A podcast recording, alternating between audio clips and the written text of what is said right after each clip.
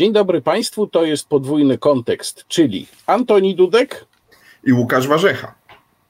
No i dzisiaj w programie pierwszym w tym roku zajmiemy się prognozowaniem. Prognozowaniem, które jest, jak wiadomo, obarczone wielkim ryzykiem, że potem ktoś obejrzy nasz program na przykład po roku. Jak wiem, że ty, Antoni, zrobiłeś z naszymi programami, wyciągnie nam tutaj, powie, e, w niczym panowie nie trafili, no ale się z tym zmierzymy. A co ci wyszło z tego przeglądu naszych programów z początku 2020 roku?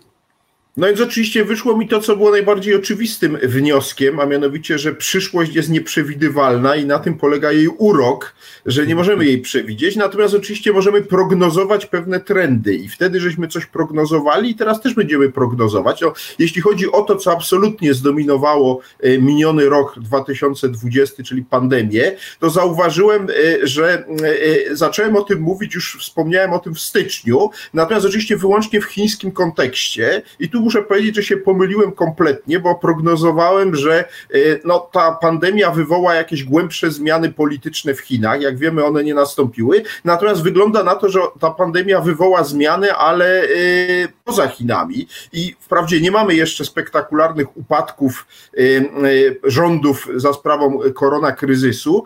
Niemniej jednak wygląda na to, że to w wielu krajach zmierza w tym kierunku, że tutaj pandemia odciśnie swoje bardzo mocne piętno na nie tylko właśnie stanie zdrowia obywateli na poziomie śmiertelności, bo to już zrobiła, ale że odciśnie bardzo silne piętno na systemach politycznych.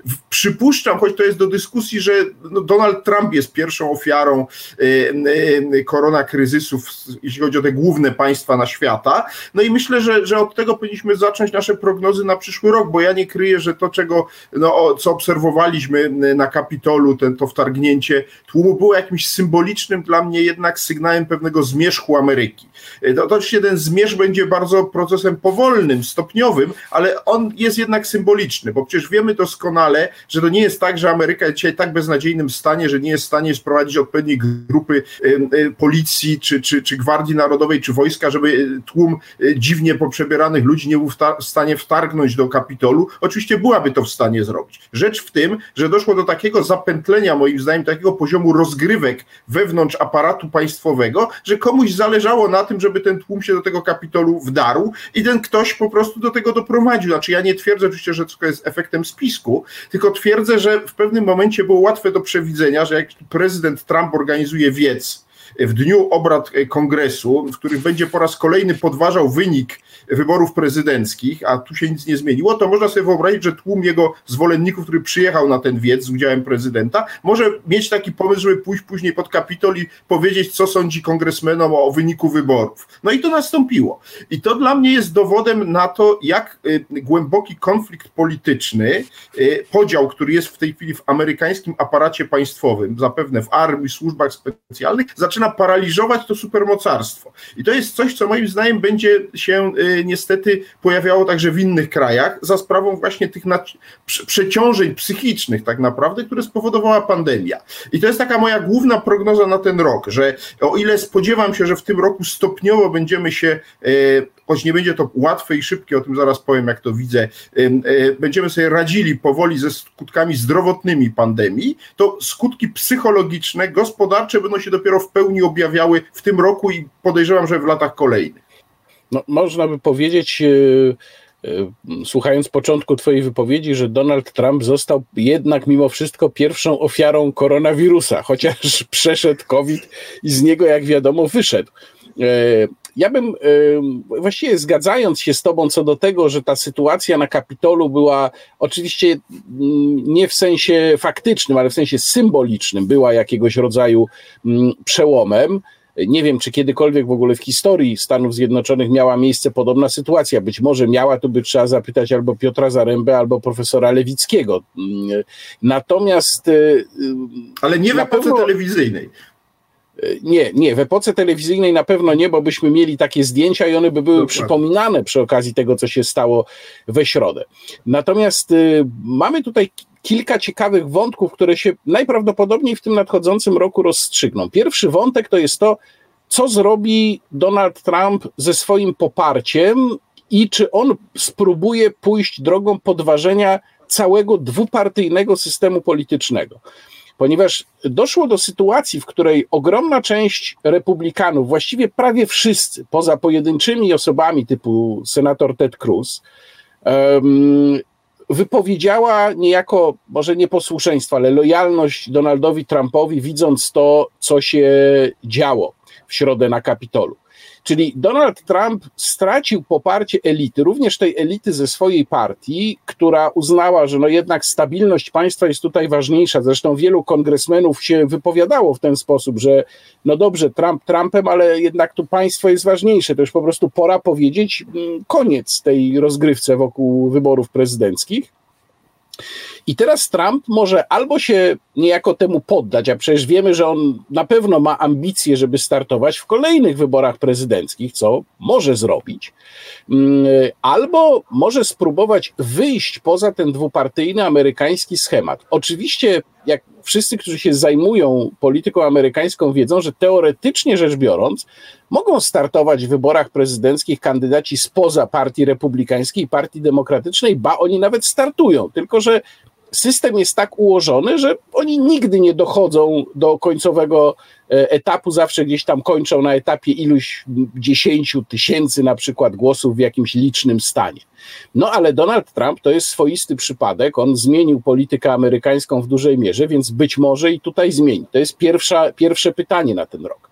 Drugie pytanie, które wydaje mi się jednak bardzo ważne, to jest kwestia wirtualnej demokracji czy wirtualnej komunikacji. Zobacz, że Donald Trump wypracował sobie taki styl i on mu się sprawdzał przez długi czas, że komunikował się z ludźmi ponad głowami mediów poprzez Twittera. I teraz co się wydarzyło we środę? Wydarzyła się rzecz absolutnie bezprecedensowa. Wciąż urzędującego prezydenta Stanów Zjednoczonych Twitter całkowicie zablokował na kilkadziesiąt godzin. Po prostu zablokował mu konto.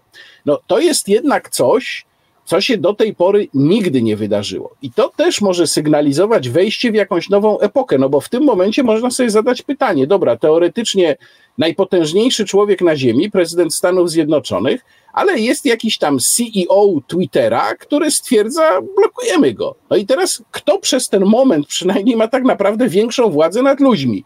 Yy, prezes Twittera czy prezydent Stanów Zjednoczonych. No i wreszcie trzecia rzecz, to już jest konsekwencja dla nas, o tym też możemy przez chwilę porozmawiać, dla nas w sensie dla Polski, gdzie zresztą mam wrażenie, że się przeżywa te wydarzenia chyba bardziej niż gdzieś tam, nie wiem, w stanie Tennessee czy w stanie Waszyngton w, w Stanach Zjednoczonych. Y, to jest pytanie, czy Ameryka w związku z tymi swoimi wewnętrznymi problemami z, wykona jeszcze większy niż to było za Trumpa zwrot do wewnątrz. Czy zacznie się zajmować już właściwie wyłącznie swoimi sprawami. To też oczywiście zależy od tego, jak sobie z tym kryzysem poradzi prezydent Biden. Nie wiem, na ile on jest do tego zdolny, również ze względu na swój wiek, na swoje różne przypadłości z tym wiekiem związane. No ale jest taki scenariusz możliwy, że yy, tak bardzo będą te problemy wewnętrzne Ameryki przyciągały uwagę Amerykanów i elity politycznej, że w zasadzie wszelkie kwestie takie jak tam obecność amerykańska na przykład w Europie Środkowej, to będą gdzieś tam na, w dziesiątej kolejności rozpatrywane. No i to oczywiście dla nas nie byłoby dobrze. Na pewno z takiego rozwoju wypadków by skorzystali Chińczycy i myślę, że oni już bardzo się cieszyli, obserwując to, co się na Kapitolu działo. No więc właśnie, zacznę od tej ostatniej kwestii. Moim zdaniem Amerykanie nie mogą sobie pozwolić na przestanie interesowaniem się tym, y, co dzieje się na świecie, bo są supermocarstwem, wprawdzie moim zdaniem takim, które ma już apogeum swojej potęgi za sobą, ale jednak ciągle supermocarstwem i supermocarstwem, które jest spychane właśnie przez inne wschodzące supermocarstwo, czyli przez Chiny i musi się bronić, musi się bronić. Y, dlaczego? Choćby dlatego, że ogromna część zamożności Stanów Zjednoczonych, potęgi wynika z tego, że dolar jest walutą światową.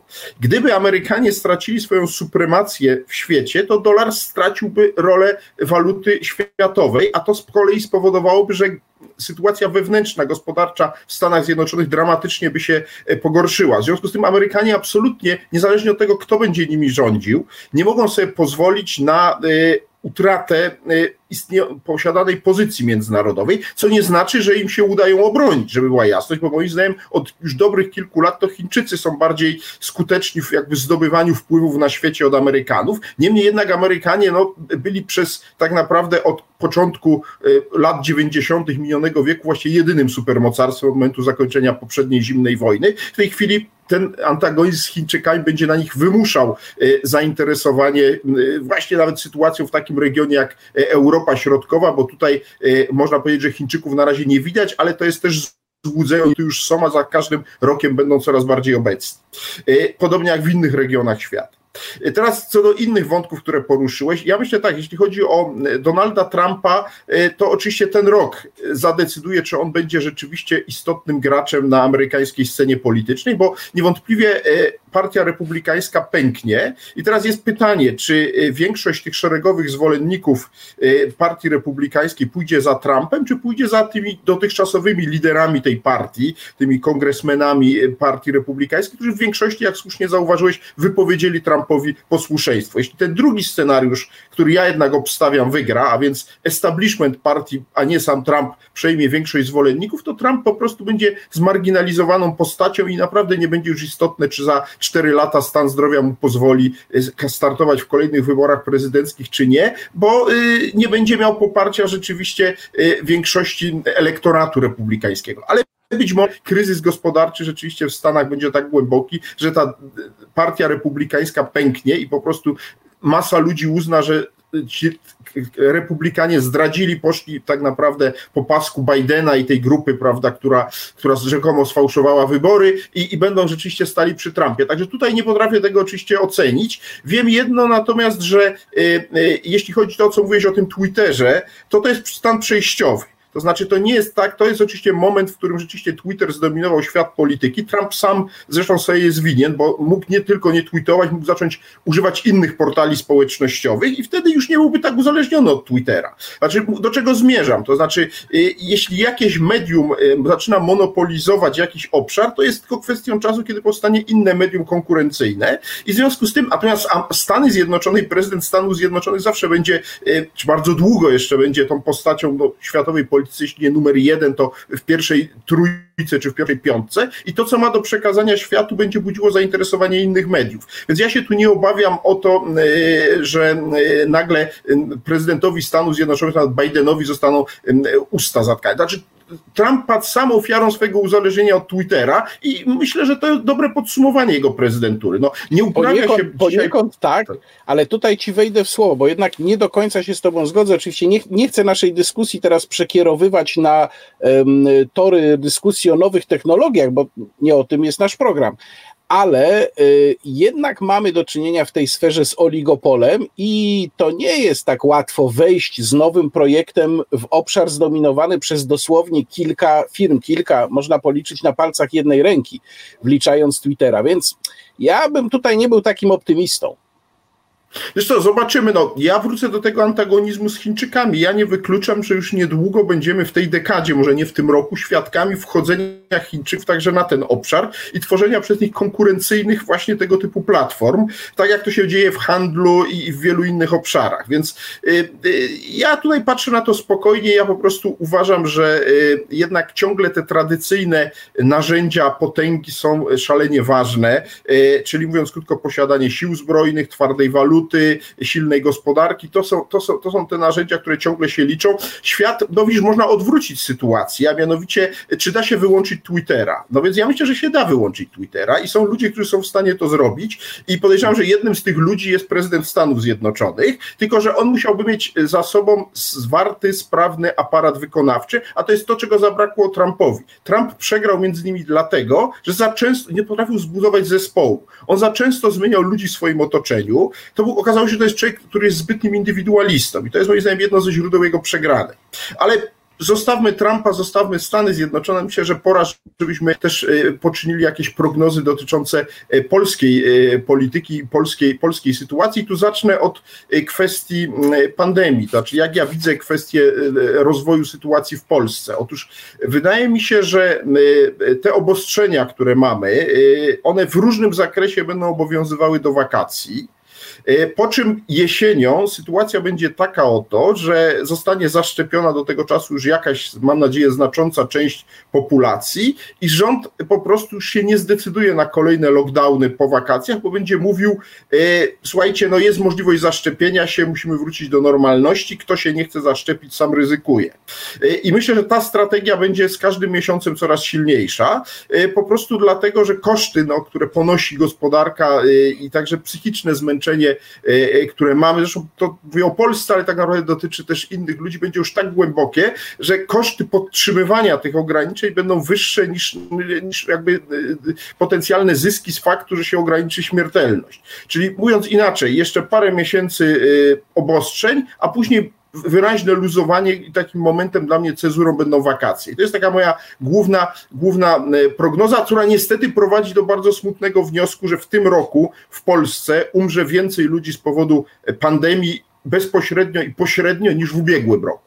Wiem, że to brzmi strasznie to, co mówię, ale myślę, że, że, że statystycznie jest to bardzo prawdopodobne, nie tylko dlatego, że pandemia jest w Polsce od stycznia, a nie od marca, tak jak było w ubiegłym roku, ale także i dlatego, że e, w moim przekonaniu no, tempo szczepień nie pozwoli na e, zabezpieczenie właśnie ludzi odpowiednio w większości populacji do wakacji. Tutaj się spodziewam no niestety ograniczeń. A no właśnie, I, i tutaj bym e, z Tobą chyba polemizował, bo uznałbym ten scenariusz, który Ty przedstawiasz, za powiedziałbym umiarkowanie optymistyczny. Natomiast moim zdaniem to jednak tak się nie skończy. Po pierwsze, ja nie widzę e, w rządzie żadnego własnego wkładu w sensie własnych analiz, y, objęcia szerszym spojrzeniem sytuacji gospodarczej, y, psychologicznej Polaków, to jest w zasadzie tylko naśladowanie tego, co się dzieje gdzie indziej. Natomiast widać w ostatnich, y, powiedzmy, dwóch, trzech tygodniach, że przynajmniej po stronie tych przedsiębiorców, którzy są najbardziej poszkodowani, coś się zaczyna przełamywać. I wydaje mi się, że nie będzie spokoju przez kolejne parę miesięcy, gdyby rząd zdecydował się na utrzymanie takich restrykcji, jakie są a przypominam, że one mm, już od dwóch miesięcy zamknęły na przykład w zasadzie prawie całkowicie gastronomię, zamknęły hotele, zamknęły na ferie mm, e, branżę turystyczną, a przecież, jak y, słusznie zwrócił uwagę w takim liście wysłanym do premiera Adam Abramowicz, rzecznik małych i średnich przedsiębiorstw, to nie jest tak, że cierpią tylko te firmy, którym zabroniono działać każda firma, większa przynajmniej, czyli już średni przedsiębiorca, ma jakichś swoich kontrahentów, podwykonawców i oni też cierpią. Mm, Cezary Kaźmierczak, szef Związku Przedsiębiorców i Pracodawców, mówi w, dzisiaj w Rzeczpospolitej, że za chwilę te fale się zaczną rozchodzić i to będzie y, y, wpływ już na całą gospodarkę, a nie na, tylko na te y, zamknięte bezpośrednio branże. Już zresztą ten wpływ jest większy. No i przedsiębiorcy zaczęli mm, kombinować, ale też zaczęli mm, coś w rodzaju nieposłuszeństwa obywatelskiego. E, jest ta najbardziej medialna akcja w Karpaczu, gdzie mm, już jest wystarczająco dużo podpisów pod wnioskiem o referendum lokalne e, w sprawie tego, czy obywatele Karpacza, mieszkańcy Karpacza e, chcą przestrzegać rządowych restrykcji. Tak mniej więcej jest sformułowane pytanie. I moim zdaniem będzie tego więcej. I teraz można by się zastanawiać, jak sytuacja będzie wyglądała powiedzmy za miesiąc, jeżeli rząd nic nie zmieni i utrzyma takie restrykcje, jakie są. Bo wielu przedsiębiorców, zwłaszcza tych z branży turystycznej, miało nadzieję, że jeszcze im się na końcówkę zimy uda załapać i, i coś chociaż zarobić. Jeżeli rząd utrzyma restrykcje, no to oczywiście im się nie uda. I teraz widzę scenariusze generalnie dwa a właściwie trzy. Jeden bardziej optymistyczny jest taki, że rząd się ugina, widzi tutaj potencjalne straty, niebezpieczeństwo jakichś niepokojów społecznych i w związku z tym, no, robiąc dobrą minę do złej gry, zaczyna te restrykcje zdejmować. Ale to, prawdę mówiąc, obserwując brak elastyczności rządu w różnych sprawach związanych z epidemią, wydaje mi się mało prawdopodobne. Drugi scenariusz jest taki, że idziemy w świat pewnej fikcji. To znaczy, rząd mówi tak, restrykcje obowiązują, apelujemy do obywateli i wpisuje to jednocześnie do rozporządzeń te swoje apele, bo to już jest stała praktyka, prawda? A jednocześnie y, przymykane są oczy na to, co się dzieje, czyli rozrasta się szara strefa, no bo jak ktoś kogoś przyjmuje nielegalnie w pensjonacie, no to oczywiście płaci gotówką, czyli to nie idzie przez kasę fiskalną Czyli państwo traci podatki, ale policja jeździ, niby kontroluje, tak naprawdę przymyka oko, tam mija, nie widzi, co się dzieje. Czyli mamy takie, tworzą się dwa równoległe światy: świat oficjalny i świat rzeczywisty. No i trzeci scenariusz to jest scenariusz y, przykręcania śruby. Czyli, że władza idzie na konfrontację z tymi wszystkimi ludźmi. Ja nie mówię tu tylko o przedsiębiorcach, mówię tu o ludziach, którzy generalnie mają dość. Na różne sposoby może się to objawiać. Czyli wysyła inspekcję sanitarną, wysyła policję, sypią się kary y, w maksymalnej wysokości, jest jakaś próba obłożenia anatemą tych, którzy te restrykcje łamią i tak dalej, i tak dalej. No i to moim zdaniem y, mogłoby prowadzić rzeczywiście do niepokojów społecznych, bo sądzę, że duża część ludzi dojdzie do wniosku, że nie ma nic do stracenia. Oni i tak stracą swoje majątki, no więc co mają do wyboru? No mogą równie dobrze jechać i zacząć rzucać kamieniami w kancelarię premiera w Warszawie. Więc może się to również tak skończyć. Który z tych scenariuszy się zrealizuje, nie wiem. Natomiast wiem tyle, że jeżeli te restrykcje by były utrzymane tam do wakacji, to w ogóle już zapomnijmy. Ale jeżeli na przykład miałyby być utrzymane nawet do końca lutego tylko, no to z branży gastronomicznej i branży turystycznej w zasadzie nie będzie co zbierać. I ci ludzie mogą być zarzewiem takiego obywatelskiego buntu. Znaczy, w moim przekonaniu ten scenariusz drugi jest najbardziej prawdopodobny. Rząd się nie wycofa y, jeszcze w najbliższych kilku tygodniach, a może nawet miesiącach z znacznej części obostrzeń, ponieważ będzie się obawiał zarzutu, że pandemia eksplodowała, prawda, i, i liczba osób, które zmarły, prze, przebije te z końca ubiegłego roku. W związku z tym y, obostrzenia będą podtrzymywane, natomiast podejrzewam, że nie będzie tutaj jakiegoś takiego bardzo ostrego egzekwowania tego. Y, no właśnie z powodu y, tego, o którym powiedziałeś, będzie obawa przed prowokowaniem ludzi do protestów społecznych. Tego rząd już po tych historiach, które miał z kobietami, myślę, będzie się starał uniknąć, a i tak moim zdaniem nie uniknie, bo ja się spodziewam, że niezależnie od tego, jak będzie wyglądało tempo łagodzenia tych obostrzeń, to będziemy mieli w tym roku jednak do czynienia z coraz bardziej gwałtownymi zachowaniami społecznymi na ulicach i to, to właśnie to wejście tłumu do Kapitolu było takie symboliczne. Ja myślę, że coś podobnego nie twierdzę, że nastąpi w przypadku naszego Sejmu w tym roku, ale myślę, że różnego rodzaju gwałtowne demonstracje uliczne, różne zachowania, w których ludzie będą odreagowali tą traumę ubiegłoroczną i te wszystkie problemy, które już w tym roku e, ich będą coraz bardziej ściskały za gardło, że, że to będzie miało miejsce. I w tym sensie nie sądzę, żeby rząd ryzykował, bo jednak PiS, trzeba powiedzieć jasno, jest bardzo wyczulony na stan nastrojów społecznych. Jednak mamy ten słynny zespół, to, to biuro e, w kancelarii premiera, które nieustannie zleca te badania socjologiczne i analizuje stan nastrojów. I jeśli tam zacznie wychodzić ta rosnąca frustracja i agresja, to rząd będzie się starał do tego dostosowywać. Więc będziemy mieli tutaj taką, podejrzewam, politykę zygzaków, jak sądzę, właśnie do wakacji, bo tu jest to założenie, że latem no, e, zagrożenie się zmniejszy z oczywistych względów. Natomiast od jesieni rzeczywiście już nie wyobrażam wyobrażam sobie kontynuacji takich obostrzeń i wtedy mam wrażenie nastąpi ta taka zasadnicza zmiana pod hasłem, tym bardziej, że ja też prognozuję, o tym jeszcze nie powiedziałem, że Polska będzie y, mniej więcej za pół roku, już to będzie widać, a zwłaszcza w drugiej połowie tego roku, tym krajem Unii Europejskiej, których odsetek zaszczepionych będzie najmniejszy. Ponieważ w tej chwili mamy mnóstwo chętnych, to jest ta część populacji, która się chce zaszczepić, no ale mamy tą pokaźną część, która się nie chce zaszczepić, ona się nie zaszczepi. Y, I podejrzewam, że tak jak dzisiaj są te potencjalne y, konflikty, prawda, o to, kto w jakiej kolejności się może zaszczepić, tak za parę miesięcy de facto będzie dokładnie odwrotnie. To trochę przypomina sprawę ze szczepionkami przeciw grypie. Był taki moment w, w końcu ubiegłego roku, kiedy panowała cała awantura, prawda, o to, że e, brakuje, że rząd zamówił za mało tych szczepionek, a teraz te szczepionki wracają. Okazuje się, że nie wykorzystano sporej części z nich, mimo że tak naprawdę ta liczba szczepionek nie była tak duża, którą zamówiono. Więc moim zdaniem podobnie będzie tutaj z tym, z tych 60 milionów szczepionek, które w tym roku mają dotrzeć do Polski, podejrzewam, że na koniec koniec tego roku, nie wiem jaka część, ale może być niewykorzystana. Ja bym jeszcze y, zwrócił uwagę na sam aspekt ściśle gospodarczy, bo mówi się o tym, takie były prognozy, że wrócimy w 2021 roku na ścieżkę szybkiego wzrostu, że to będzie wzrost rzędu 3-4% PKB. Przy czym ja zawsze przypominam, że wskaźnik ze wzrostu PKB nie jest reprezentatywny tak naprawdę dla sytuacji gospodarczej, bo on w sumie niewiele mówi. PKB per capita, mediana wynagrodzeń, poziom bezrobocia. Dużo trzeba tu dodać czynników, żeby mieć mm, całość obrazu. Natomiast y, wydaje mi się, prawdę mówiąc, że ten y, w tej chwili, że ten, ta prognoza 3-4% wzrostu, biorąc pod uwagę, co się dzieje od początku tego roku, jest mało realna. Zresztą ekonomiści już mówią, że pierwszy kwartał tego roku, co najmniej pierwszy kwartał, będzie zmarnowany. No a to również stawie, każe postawić pytanie, y, co z obciążeniami dla wszystkich obywateli, no bo jak jest, jak gospodarka sobie słabo radzi, no to wiadomo, że fiskus wtedy ściąga po prostu mniej pieniędzy. Więc tutaj jeszcze możemy mieć zaskoczenia. Ale y, jeszcze chciałem o dwóch ściśle politycznych sprawach y, dzisiaj porozmawiać, prognozując.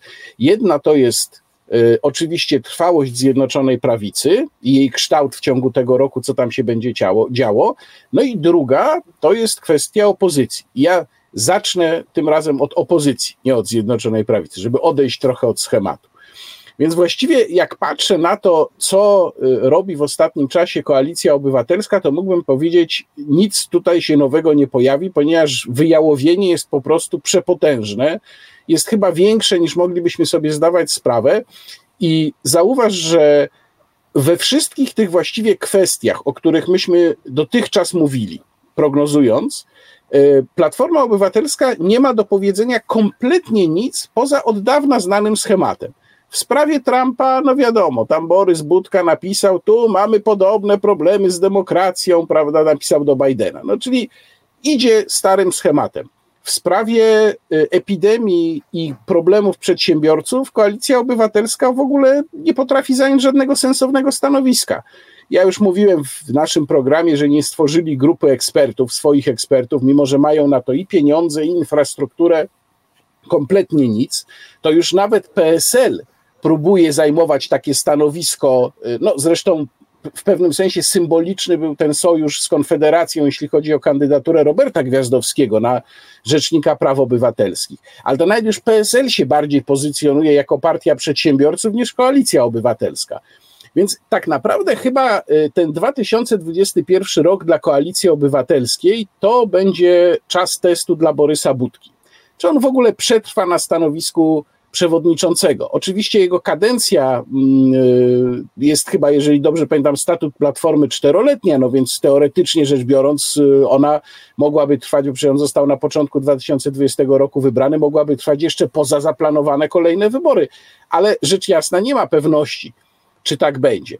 No i jeszcze pytanie, które mnie szczególnie interesuje, to jest, y, jak na tym wszystkim wyjdzie Konfederacja. Konfederacja, która troszkę zaczęła buksować jednak w miejscu w ostatnim czasie, aczkolwiek cały czas jest to jedyna partia parlamentarna, która bardzo konsekwentnie kontestuje założenia lockdownu i y, bardzo konsekwentnie pozycjonuje się właśnie jako partia przedsiębiorców. Pytanie, czy daje to przynajmniej taki stabilny wzrost lub utrzymanie notowań na poziomie powiedzmy od 6 do 8%, czy też jednak te notowania zaczną spadać w tym roku, to też będzie moim zdaniem pewnego rodzaju test dla y, Konfederacji.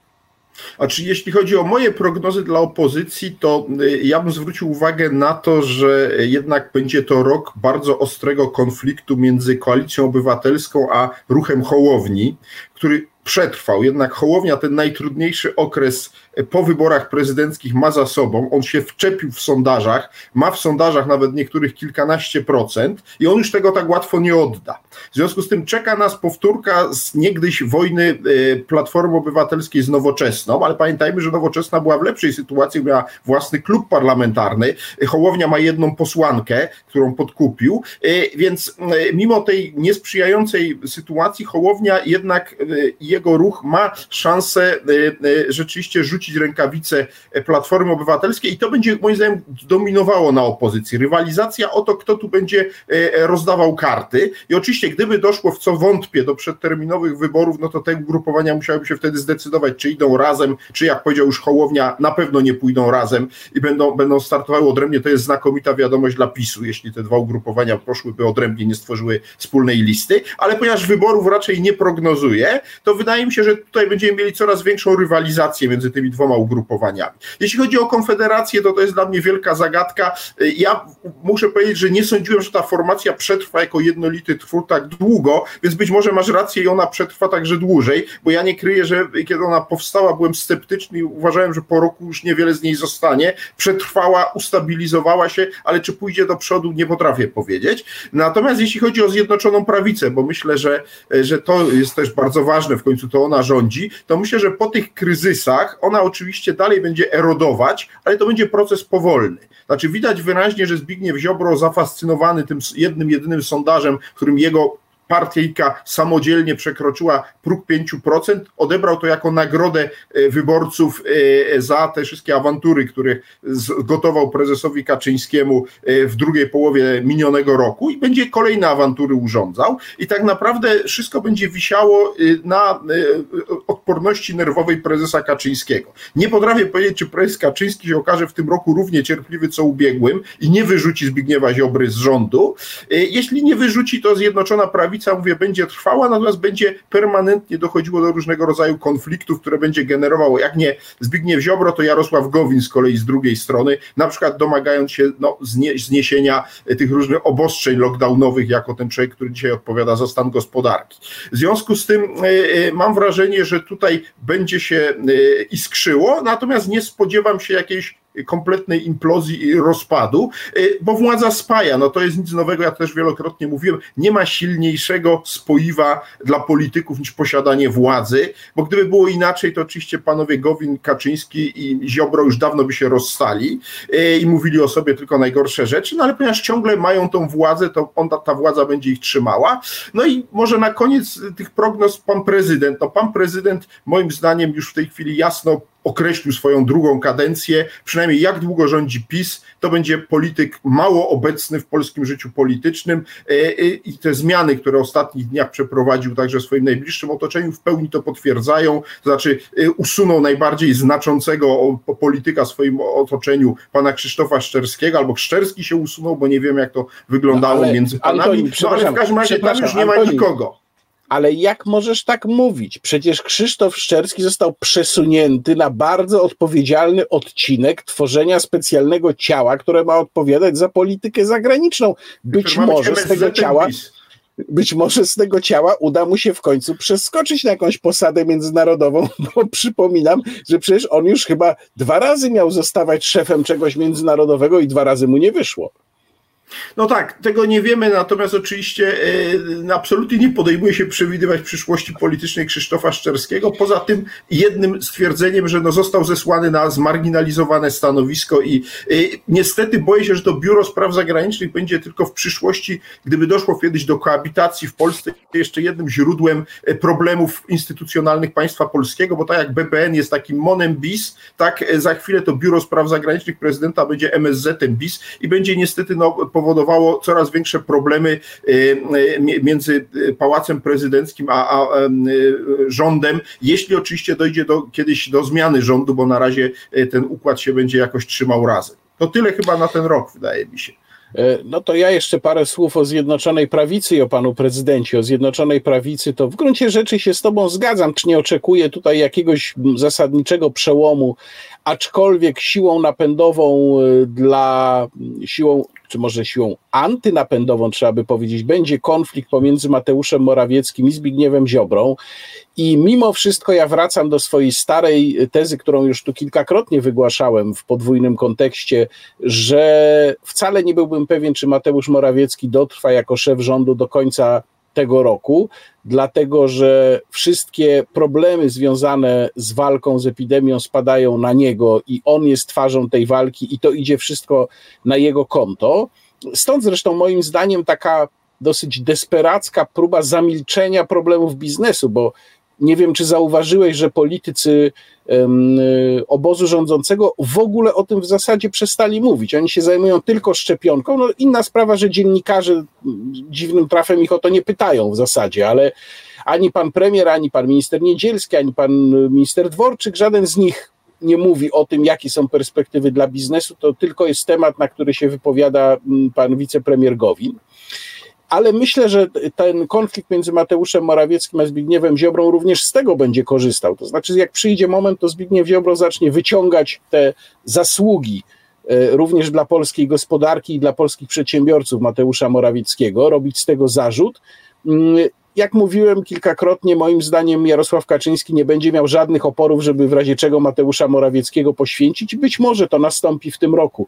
Natomiast generalnie rzecz biorąc, to rzeczywiście będzie, ja to określam jako powolne gnicie, bo to jest już moim zdaniem ten etap, w który wszedł obóz władzy. To jest trochę tak jak e, po odejściu Donalda Tuska do Brukseli, e, kiedy Ewa Kopacz zajęła jego miejsce.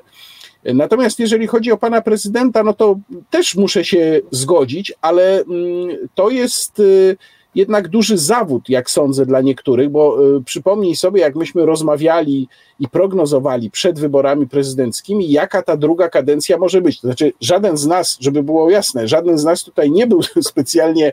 Um, entuzjastycznie, jeżeli chodzi o możliwą zmianę charakteru y, tej drugiej kadencji, czyli że nagle pan prezydent się stanie aktywny, będzie pokazywał niezależność i tak dalej. Ale muszę przyznać, że poziom y, apatii, w którą zapadł ten urząd po wyborach prezydenckich w zeszłym roku, jednak nawet mnie zaskoczył. Ja myślałem, że mimo wszystko tutaj jakieś takie sygnały regularne, o zdaniu odrębnym będą z Pałacu Prezydenckiego płynąć. Jest zresztą do tego okazja, no bo jak mówię, mamy y, dramatyczną sytuację dużej części przedsiębiorców w Polsce w związku z lockdownem. Pre prezydent mógłby chociażby no, symbolicznie ich przygarnąć, nie wiem, zaprosić do Pałacu Prezydenckiego, czy tam wirtualnie się spotkać, zrobić jakąś konferencję, wyjść, potem powiedzieć, zdaje sobie sprawę z trudnej sytuacji i tak dalej. I to też jest jakaś forma nacisku na rząd. A tu nic. Po prostu kompletnie nic. I jeszcze jak słyszę, że pan prezydent rozważa, bo nie wiem, czy widziałeś, że takie się pojawiły informacje, że pan prezydent rozważa weto do ustawy o działach. To sobie tak, działach administracji oczywiście, to sobie tak pomyślałem, że pod względem że tak powiem, wizerunkowego wydźwięku, to będzie to równie spektakularne weto, jak to do um, ustawy o regionalnych izbach obrachunkowych, przy czym moim zdaniem tam to jeszcze miało jakieś rzeczywiste znaczenie, a to już nie będzie miało praktycznie żadnego. E, I teraz jak prezydent, pan prezydent miałby wyjść do ludzi, tam ktoś mu powie, panie prezydencie, ale w czym pan się sprzeciwił władza? Pan prezydent powie, zawetowałem ustawę o działach.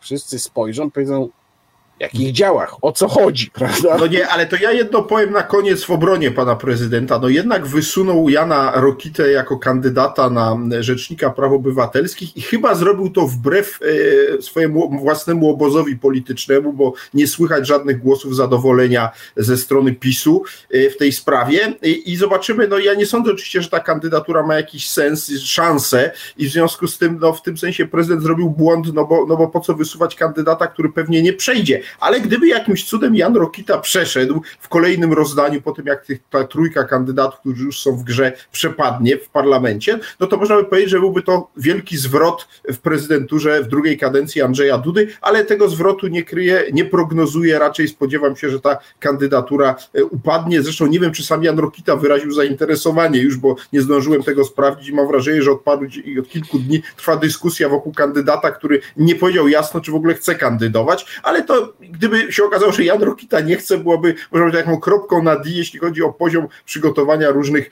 e, działań pana prezydenta. Zobaczymy się z Państwem w programie Podwójny Kontekst, już takim normalnym, czyli omawiającym wydarzenia, które się wydarzyły za dwa tygodnie, a tymczasem żegnamy się z Państwem. Antoni Dudek